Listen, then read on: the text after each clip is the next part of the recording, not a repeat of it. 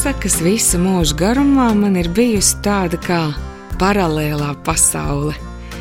Bērnībā, kad es biju maziņa, man ļoti daudz lasīja priekšā man mīļā tante, kas mani audzināja. Tā bija mana vectētiņa māsa, kas dzīvojās ar mani par māju, kamēr tēvs ar mammu bija darbā. Un tad bija ļoti skaists posms dzīvē, kad es ilgus gadus lasīju priekšā abiem saviem dēliem. Un uh, arī tad, kad kultūras koledžā, un pēc tam jau kultūras akadēmijā strādāju par runas pasniedzēju, es secinu, ka pasakas ir kaut kas tāds, kas nekad neapnīk.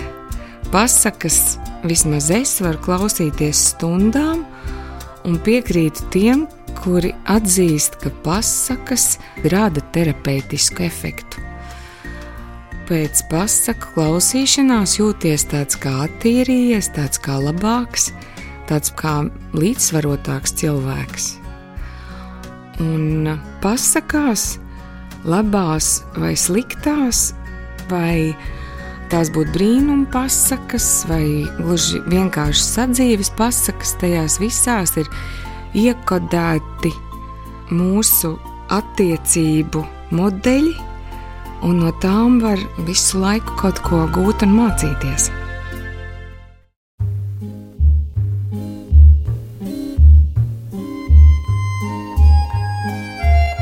Tirgotāja meita.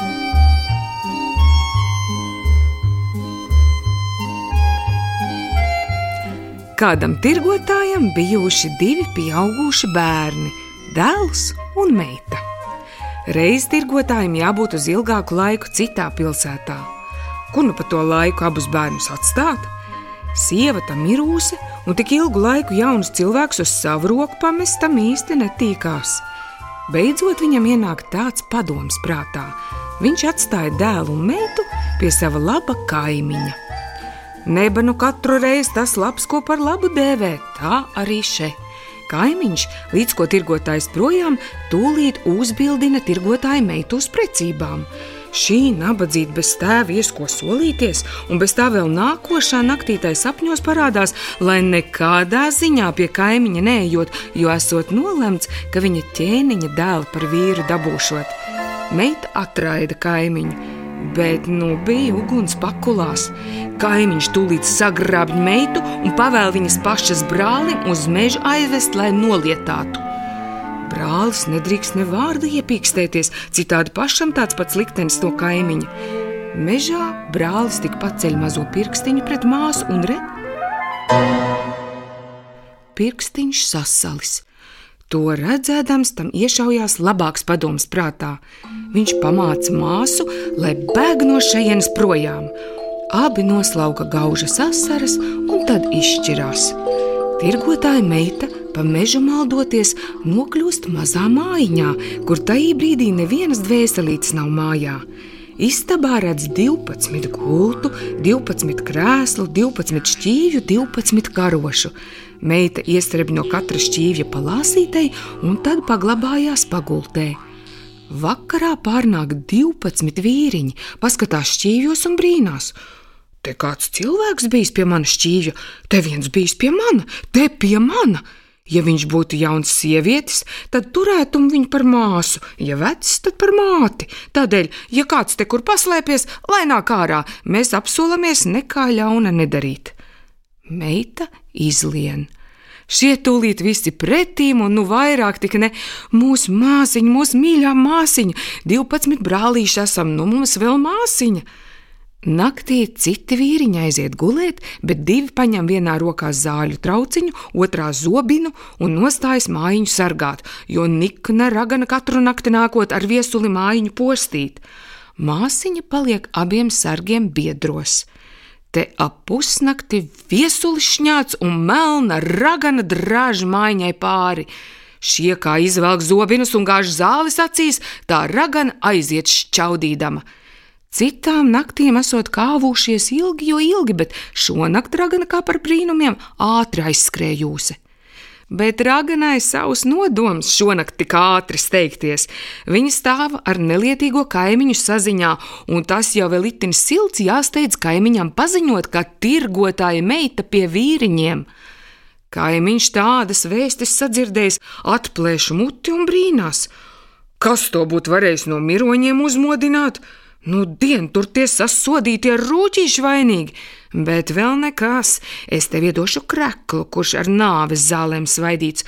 To tu aiznesi tādā dienā uz mājiņu, kur pirts kurināta. Kamēr māte pirtī parās, vari kreklus pārmainīt, viņas kreklu paņemt un šo kreklu vietā atstāt. Rāgana paņem kreklu un apsolās uz matu izdarīt.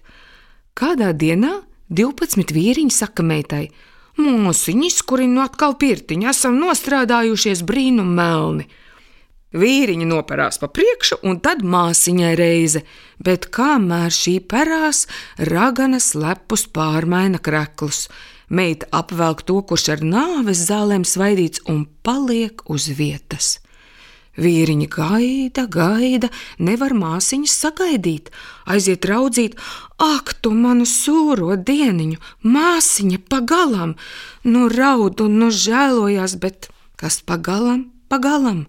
Labie vīriņi ieliek nomirušo zelta zārkā dimanta kājām, uztaisa skaistu pili gaišiem logiem, uzliek pils čukurnī zelta vērloku un tad ienes zelta māsiņu tur dusēt. Bet nu gadījās, ka ķēniņa dēls šīs dienās izgājis medīt. Tas nevilšu ierauga zelta vērloku un tūlīt sūta sulēņus, lai paskatoties, kas tā par savādu pili ar zelta vērlokiem. Sulēņi atnāk atpakaļ ar tādām vēstīm. Zelta vērloks vēl nekas, bet pilī guļ zelta zārkā dimanta kājām, tik daļa meiča kā saule, mums viņa pamirūse izliekās. Ķēniņa dēls aiziet turp. Jā, mirusi jau tik dāļa nevar būt. Jāved uz mājām un jārauga atdzīvināt. Nu sasauc pareģis un aicina zīlniekus, lai pasakot un zīlējot, kā iespējams to atdzīvināt. Zīlniekiem viegla lieta. Tie uz rāvienu pasaka, dzīvība radīsies, ja ragans krakls nebūs mugurā. Un pareizi, līdz ko novilka raganas kraklu, tā daļā meiča atplēš acis. Ķēniņa dēls vairs nelaiž daļo meču projām. Viņš bildina par savu līgaviņu un nodzer kāzas trīs dieniņas, trīs naksniņas. Bet līdz ko kāzas nosvinētas, te ragana arī kājās. Viņa uzglūna jaunajai ķēniņienei un aizrauj to ar viesuli dziļi, dziļi mežā, lai tā nomaldītos. Šī maldās, maldās, bet izmaldās uz to pilsētu, kur vecais tēvs aizgājis. Pašā pilsētas malā tā satiek cūganu, kuram prasa: Zēniņ, kā to pilsētu sauc? Nu, tā un tā. Kam tās cūkas, kuras tu gani? Cūkas pieder tam tirgotājam, kurš priekš gada te atnāca. Vai viņam nevajag kalpones? Nu, nē, kalpons viņam nevajag, bet sūlaini gan. To izdzirdūse, ķēniņiene ieiet pilsētā, pārģērbjās sulaiņa drānās un iet tīši gar tēva logiem. Vecais tirgotājs sulaini ieraudzījams tūlīt uzbļauj: Ē, vai nelīksi pie manis? Kā labi, ne? Labi, salīkst. Te otrā, trešā dienā visam pilsētam ziņa klāt, lai ejot uz ķēniņa pili, jo jaunajam ķēniņam ķēniņiene zudūse. Jāpalīdzot sataujāt. Visi brauc, vecais tirgotājs ar savu sulaini ar. Pilī nu katrs stāsta, ko tik zina un ko tik redzējis, bet to pateikt, kur ķēniņiem, to neviens nevar. Beidzot, pienāk ir sulāņa reize stāstīt. Sulainis pasmudzina galvu un tad iesāk tā. Mm, redziet, labprāt stāstītu, bet iekams iesāku, katram jāapņemās, ka nerunās man ne pušplēsta vārdiņa pretīm, un, ja nu kāds tomēr runātu, tad lai tam trīs gadi cietums. Labi, visi tā ar mieru. Nu tad iesākšu. Priekš gada mans tēvs uz citu pilsētu aiziedams nodeva man ar brāli pie kaimiņa. Šis kaimiņš pavēlēja manam brālim mani nokaut. Tas nav tiesa! Kaimiņš tūlīt iebļaujas, jo šis arī atnācis uz ķēniņa pavēli pilī.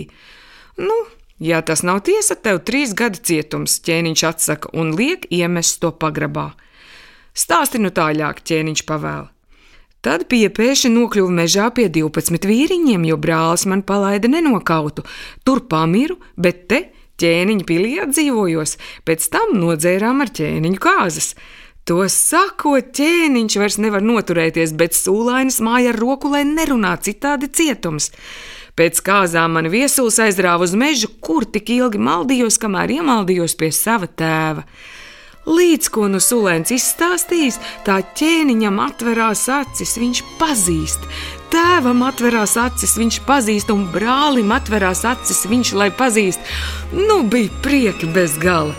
Ķēniņš nelaiž nevienu uz mājām, visiem jāpaliek un jādzer vēl trīs dienas atkāzes